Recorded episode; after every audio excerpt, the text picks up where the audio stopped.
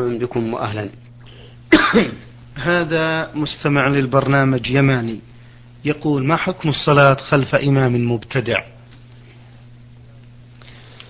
الصلاة خلف الإمام المبتدع إن كانت بدعته مكفرة فإنه لا يجوز أن تصلي خلفه لأن صاحب البدعة المكفرة لا تقبل له صلاة لأن الكفر يمنع من قبول الصلاة وإذا كانت لا تقبل صلاته فكيف تقتدي؟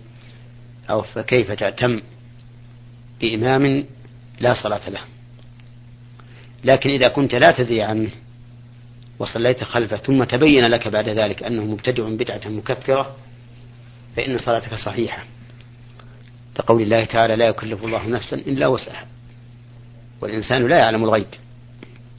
أما إذا كانت البدعة مفسقة لا, لا تخرج الإنسان من من الإسلام فإن الصلاة خلفه صحيحة على القول الراجح وهو أن الصلاة خلف الفاسق صحيحة لأنه عن الفاسق تصح صلاته وتقبل صلاته وفسقه وعدالته لنفسه ليس علينا منها شيء ما دام يأتي بالصلاة على الوجه المطلوب. أما إذا كان يخل بالصلاة فإنك لا تصلي خلفه ولو كان سليما من البدعة والفسوق. هذا هو حاصل ما يقال عن الرجل المبتدع على أن بعض العلماء يقول إن الفاسق مطلقا لا تجوز الصلاة خلفه ولكن هذا قول مرجوح والراجح أن الصلاة خلف الفاسق صحيحة. ولكن كما قلت لك إذا كانت إذا كان يخل بالصلاة فلا تصلي خلفه. نعم. وكذلك أيضا إن أمكنك أن تجد آه، إماما عدلا مستقيما في دينه فإن صلاتك خلفه أولى من صلاتك خلف هذا الرجل الفاسق. طيب. أخذ الأجرة مقابل التلاوة بالنسبة لقراءة القرآن وخصوصا الذين يقرؤون القرآن في المناسبات. أخذ الأجرة على قراءة القرآن حرام. وذلك لأن قراءة القرآن لا تقع إلا قربه. نعم. وكل عمل لا يقع إلا قربه فإن أخذ الأجرة عليه حرام. والقارئ إذا أخذ الأجرة على هذه القراءة فإن الأجرة عليه حرام ولا ثواب له من هذه القراءة. وبهذا نعرف خطأ أولئك القوم الذين يستأجرون من يقرأ لميتهم في أيام وفاته. فإني أقول لهم إن عملكم هذا عمل بائر ليس فيه فائدة بل فيه مضرة لأنكم أعنتم هذا القارئ على الإثم حيث أخذ أجرة على قراءته ولأن هذه الدراهم قد تكون مأخوذة من تركة الميت وقد تكون فيها وصية وقد يكون في في الورثة الصغار. فيظلمون بأخذ شيء من من ما يستحقونه من هذه التركة. ثم إن ميتكم لن ينتفع بهذه القراءة إطلاقا. وذلك لأن هذه القراءة ليس فيها ثواب عند الله. وإذا لم يكن فيها ثواب فمن أين تأتي الفائدة الفائدة لهذا الميت؟ إذا فالواجب البعد عن هذا العمل والتحذير منه والتناصح. بين المسلمين من أجل القضاء عليه وإخلاء المسلمين. منه بارك الله فيكم. في السؤال الأخير المستمع اليماني يقول هل يستدل بالأحاديث الضعيفة؟ الأحاديث الضعيفة لا يستدل بها ولا يجوز أن تنسب إلى رسول الله صلى الله عليه وسلم إلا على وجه يبين فيه أنها ضعيفة. ومن حدث عن رسول الله صلى الله عليه وسلم بحديث يرى أنه كذب فهو أحد الكاذبين. وقد ثبت عن النبي صلى الله عليه وسلم أنه قال من كذب علي متعمدا فليتبوأ مقعده من النار. فلا يجوز العمل بالحديث الضعيف. لكن بعض أهل العلم رخص في ذكر الحديث الضعيف بشروط ثلاثة. الشرط الأول أن لا يكون ضعفه شديدا والشرط الثاني أن يكون له أصل والشرط الثالث أن لا يعتقد أن النبي صلى الله عليه وسلم قاله. فإن كان الضعف شديدا فإنه لا يجوز ذكر الضعيف أبدا إلا إذا كان الإنسان يريد أن يبين ضعفه. وإذا كان ليس ليس له أصل فإنه لا يجوز ذكره أيضا. مثال الذي له له أصل أن يأتي حديث في فضل صلاة الجماعة مثلا. وهو ضعيف. فلا حرج من ذكره هنا للترغيب في صلاة الجماعة لأنه يرغب في صلاة الجماعة. ولا يضر لأنه إن كان صحيحا فقد نال الثواب المرتب عليه وإن لم يكن صحيحا فقد استعان به على طاعة الله. لكن مع ذلك يأتي الشرط الثالث لا تعتقد أن النبي صلى الله عليه وسلم قاله. ولكن ترجو أن يكون قاله من أجل ما يترتب ما من أجل ما ذكر فيه من الثواب. طيب. على أن بعض أهل العلم قال إن الحديث الضعيف لا يجوز ذكره مطلقا إلا مقرونا بضعف بضعف إلا مقرونا ببيان ضعفه وهذا القول لا شك أنه أحوط وأسلم للذمة. ومسألة الترغيب أو الترهيب يكفي فيها الأحاديث الصحيحة عن رسول الله صلى الله عليه وسلم. اللهم صل وسلم على نبينا محمد. المستمع حاء عين ميم من مكة. يقول حلفت على زوجتي أنها إذا ذهبت إلى بيت فلان تكون محرمة علي مثل أختي يقول المستمع. وذهبت وقالت لي أنني نسيت فما الحكم في ذلك؟ أفيدوني مأجورين. أولا ننصحك عن إطلاق هذه الكلمات لأنها كلمات خطيرة جدا. والإنسان إذا قال لزوجته أنت علي كظهر أمي أو كظهر أختي أو ما أشبه ذلك كان مظاهرا. وقد بين الله سبحانه وتعالى حكم الظهار في كتابه فقال والذين يظاهرون منكم من نسائهم ما هن أمهاتهم إن أمهاتهم إلا اللائي ولدنهم وإنهم لا يقولون منكرا من القول وزورا وإن الله لعفو غفور. وبين أن كفارة الظهار عتق رقبة فإن لم يجد فصيام شهرين متتابعين فإن لم يستطع فإطعام ستين مسكينا. ومع ذلك لا يجوز أن يقرب زوجته حتى يكفر حتى يكفر باعتاق الرقبة إن كان قادرا وبصيام الشهرين متتابعين إن لم يكن قادرا على الرقبة وبإطعام ستين مسكينا إن لم يكن قادرا على صيام الشهرين. فالأمر في هذا خطير. أما فيما يتعلق بسؤالك فإذا كانت امرأتك ناسية فإنه لا لا حنث عليك. أي ليس عليك كفارة لأن القول الراجح أن من حنث غيره وهو ناسي فإن هذا الغير لا يحنث. كما أن الحالف نفسه إذا فعل الشيء وهو ناسي إذا فعل الشيء الذي حلف عليه وهو ناسي فإنه ليس عليه كفارة. نعم. في سؤال المستمع الثاني المستمع حاء عين ميم من مكة يقول رجل قابل زوجته في مطار جدة وهي محرمة بالعمرة وهو مقيم بمكة فأحرم من المطار بجدة. فأرجو الإفادة عن صحة ما فعلناه أما المرأة فهي محرمة كما ذكر السائل والظاهر أنها قد أحرمت من الميقات. نعم. فيكون إحرامها ليس فيه شيء. صحيح لا شيء فيه. وأما الرجل فإحرامه أيضا صحيح لأنه إذا كان مقيما بمكة وأحرم من جدة فقد أحرم من الحل فيكون إحرامه صحيحا ولا حرج عليه. نعم. بارك الله فيكم. هذا طالب جامعي رمز لاسمه بألف ألف باء يقول بأنه أحد الطلاب المتمسكين بكتاب الله وسنة رسوله صلى الله عليه وسلم. يقول وموفق في دراستي والحمد لله ولكنني أنظم الشعر كثيرا وأقوله في المناسبات وغير المناسبات مما جعلني أقضي جل وقتي أقرأ كتب الشعر وأنظم الشعر فما حكم هذا العمل؟ بارك الله فيكم. إذا كنت تقول الشعر المباح أو الشعر الذي فيه الخير للناس وتوجيههم إلى ما ينفعهم في دينهم ودنياهم فلا فلا حرج عليك في ذلك. أما إذا كنت تقول شعرا محرما ساقطا سافلا فإن هذا حرام عليك. ومع هذا فنقول إن الأولى بك وأنت طالب علم أن تدع هذا العمل وأن تقبل على طلب العلم طيب. من كتاب الله وسنة رسوله صلى الله عليه وسلم وأقوال الصحابة والأئمة من بعدهم حتى ينفعك الله بذلك. لأن لأن ما أنت عليه الآن إما أن تكون فيه سالما أو مأجورا بأجر لا يساوي طلب العلم الشرعي.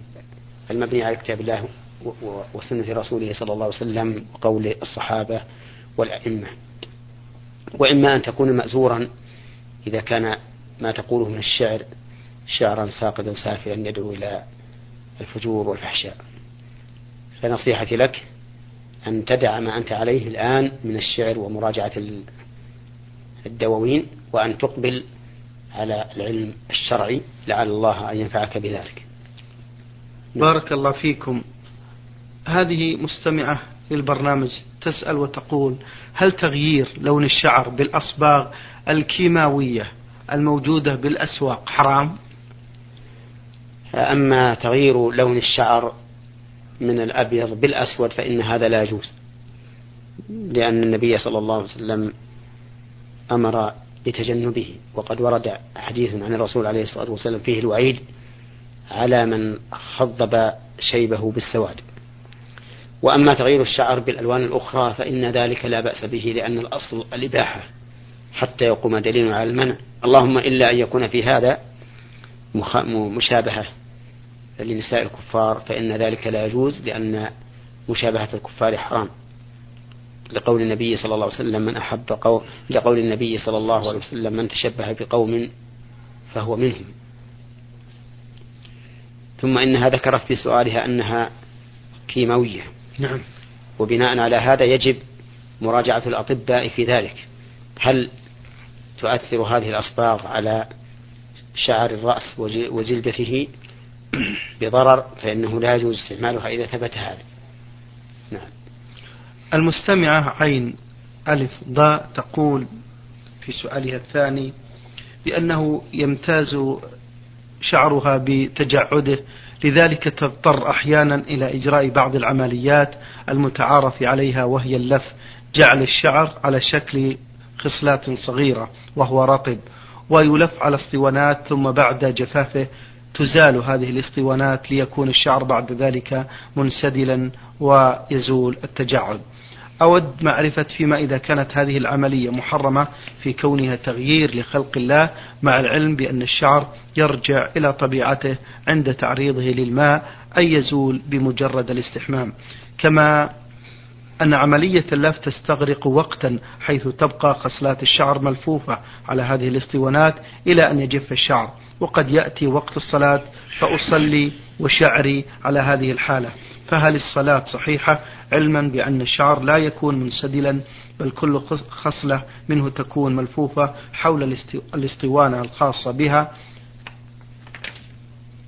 كما أن حجم الرأس يكون كبير بسبب وجود هذه الاسطوانات كذلك عند الوضوء أعمد إلى تغطية رأسي بقطعة قماش وأمسح من فوقها حتى لا يتأثر ويفسد شعري بالماء وذلك بالاعتماد على قول عمر بن الخطاب رضي الله عنه من لم يطهره المسح فوق العمامة فلا طهره الله. توجيه فضيلة الشيخ حول هذا السؤال. الذي أرى أنه لا ينبغي للمرأة أن تضيع أوقاتها بمثل هذه الأمور التي لا لا تكتسب منها شيئا. اللهم إلا جمالا موهوما نعم. في مدة معينة ثم يزول. وهي في هذا تخسر وقتا كثيرا من وقتها وتخسر مالا بحسب هذا الدواء أو هذا الشيء الذي جاءت أو هذا الشيء الذي جاءت به. فنصيحتي لها أن تدع مثل هذه الأمور وأن تقبل على ما ينفعها في دينها ودنياها وأن لا تكلف نفسها مشقة هذه الأعمال. ولكن لا أستطيع أن أقول أن أقول إن هذا حرام. ما دامت تقوم بالواجب عليها من مسح الرأس مباشرة بدون أن تضع عليه هذه المنديل. وأما ما ذكرت عن عمر فلا أدري عنه ولكن عمر رضي الله عنه يتكلم عن العمامة والعمامة لا شك أن أن النبي صلى الله عليه وسلم مسح على عمامته في وضوئه والمسح على العمامة من الأمور المشروعة الثابتة عن رسول الله صلى الله عليه وسلم. أما هذه المنديل التي توضع على الرأس من أجل وقايته من الماء في حال استعمال هذه الأنبوبات فإنه لا ليس من باب العمائم في شيء. بارك الله فيكم. هذا مصري مصري. مقيم بالمملكة يقول هل يجوز أخذ أجرة مقابل تغسيل وتكفين الموتى؟ إذا كانت هذه الأجرة أو هذا هذا العطاء بدون شرط فلا شك في جوازه ولا حرج فيه لأنه مكافأة لأنه وقع مكافأة لهذا الغاسل المكفن على عمله. وقد قال النبي عليه الصلاة والسلام من صنع إليكم معروفا فكافئوه. أما إذا كانت هذه الأجرة مشروطة فإنها بلا شك تنقص أجر الغاسل المكفن لأن الغاسل المكفن ينال أجرا كبيرا إذ أن تغسيل الميت وتكفينه من فروض الكفاية فيحصل للغاسل والمكفن أجر فرض الكفاية. لكن إذا أخذ على ذلك أجرة فإن أجره سوف ينقص ولا حرج عليه إذا أخذ أجرة على هذا لأن هذه الأجرة تكون في مقابل العمل المتعدي للغير والعمل المتعدي للغير يجوز أخذ الأجرة عليه. كما جاز أخذ الأجرة على تعليم القرآن على القول الصحيح. نعم. بارك الله فيكم. هذا شاب يسأل ويقول بأنه كثير المزاح مع الأصدقاء والإخوان في الرحلات وفي المناسبات. يقول بأنه عرف بهذا العمل. هل يلحقه إثم بهذا؟ إذا كان هذا المزاح حقا بحيث لا يتضمن كذبا ولا يتضمن سخرية بأحد وإنما هو مرح من أجل شرح صدور إخوانه وأصحابه فإنه لا بأس به. طيب. بل قد يكون مأجورا عليه بالنية الطيبة إذا قصد بذلك دفع السآمة عن إخوانه وإدخال السرور عليهم. أما إذا تضمن كذبا أو سخرية بأحد فإنه لا يجوز. لأن النبي صلى الله عليه وسلم قال ويل لمن حدث فكذب ليضحك به القوم ويل له ثم ويل له. وأما السخرية فهي حرام أيضا لأن المسلم على المسلم حرام دمه وماله وعرضه. والسخرية به من أكبر خدش عرض أخيه. نعم. بارك الله فيكم. المستمع رشدي من مصر يقول كيف يوفق المسلم بين إرضاء والديه الأم والأب وبين الزوجة؟ حيث إن والدي لا يرتاح لزوجتي كثيرا وكذا زوجتي لا ترتاح لهم. فأنا سعيد مع زوجتي وأبنائي فبماذا تنصحونني يا فضيلة الشيخ؟ نعم. أنصحك بأن تحرص غاية الحرص على التوفيق بين زوجتك وبين أبيك وأمك. فإن حصل التوفيق فهذا من نعمة الله على الجميع. وإن لم يحصل فاستأذن والديك أن تخرج في بيت وحدك نعم. أنت وزوجتك وأولادك ويحسن أن يكون قريبا من بيت الوالدين حتى تسهل الزيارة لهما. وأنت إذا انفردت عن الوالدين من أجل هذا الغرض فإن انفرادك صحيح وليس عليك فيه حرج. لأن هذا خير من بقاء الزوجية في نكد وعيش والديك في نكد أو أن تفارق زوجتك وأولادك. نعم. هذا مستمع حسن عبد الله من السودان يقول بأنه اشترى دراجة في أحد الأعوام بمبلغ 130 جنيها. وفي هذه الأيام وبعد انقضاء سبع سنوات في استعمالها حيث تقل قيمتها كلما صارت قديمة إذا أردت بيعها. إلا أن شخص رفع قيمة هذه الدراجة بمبلغ 1200 جنيه بزيادة 1070 فما الحكم في هذه الزيادة الكبيرة؟ حيث إن الحديث يقول ملح بملح وشعير بشعير وتمر بتمر مثل مثلا بمثل وما زاد فهو ربا. أفيدونا. بارك الله فيكم. السؤال ما فهمت؟ يقول بأنه اشترى دراجة في أحد الأعوام بمبلغ 130 جنيه. طيب. وفي هذه الأيام وبعد انقضاء سبع سنوات في استعمالها حيث تقل قيمتها كلما صارت قديمة إذا أردت بيعها. إلا أن الشخص رفع قيمتها أي شخص؟ شخص آخر. م. اشتراه منه بمبلغ 1200 بزيادة 1070 فما الحكم في هذه الزيادة الكبيرة؟ يقول بعد الاستعمال. نعم.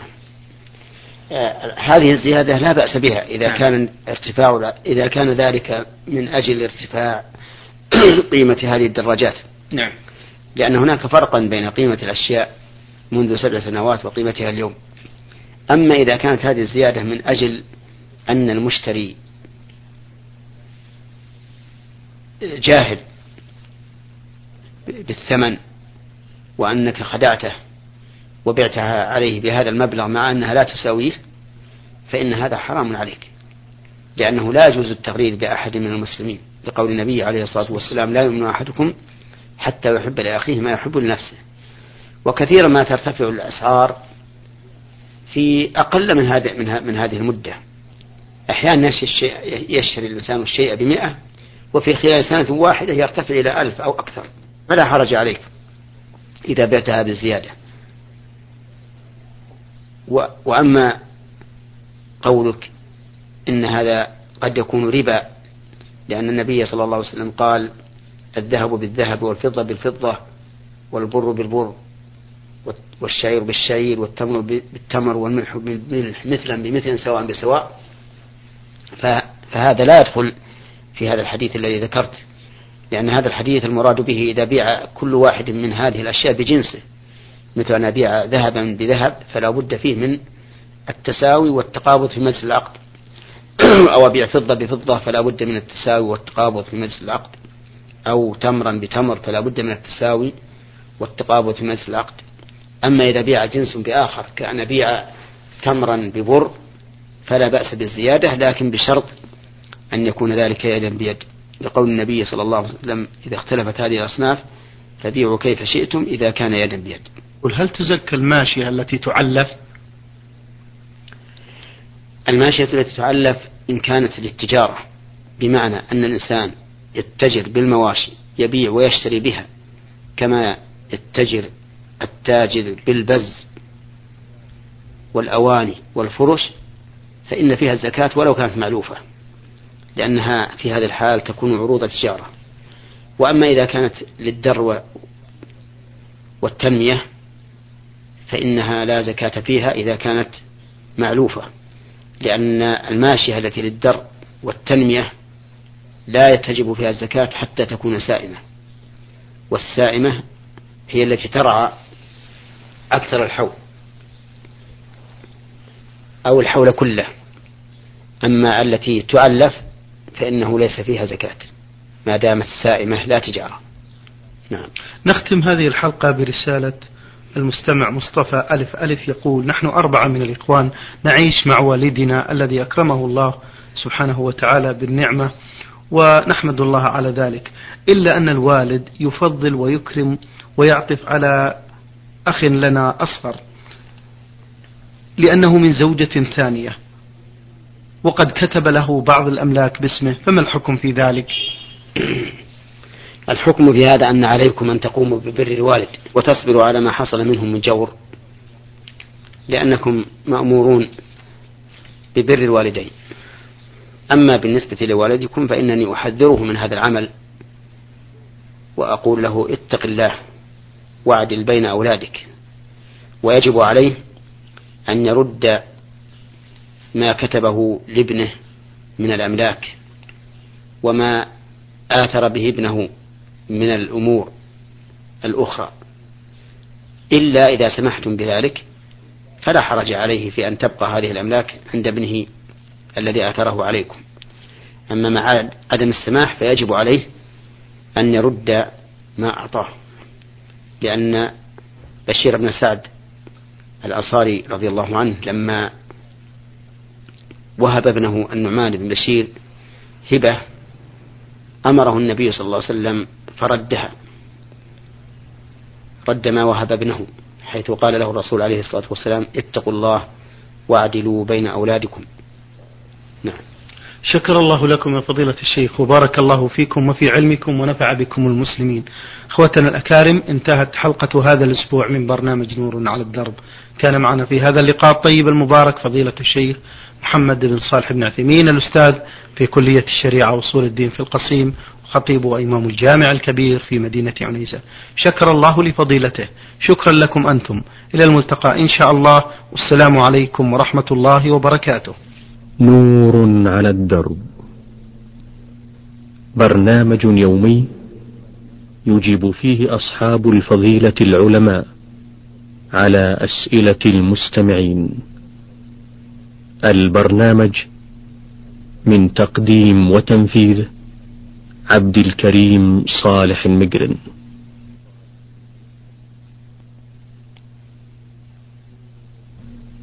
نور على الدرب. برنامج يومي يجيب فيه أصحاب الفضيلة العلماء على أسئلة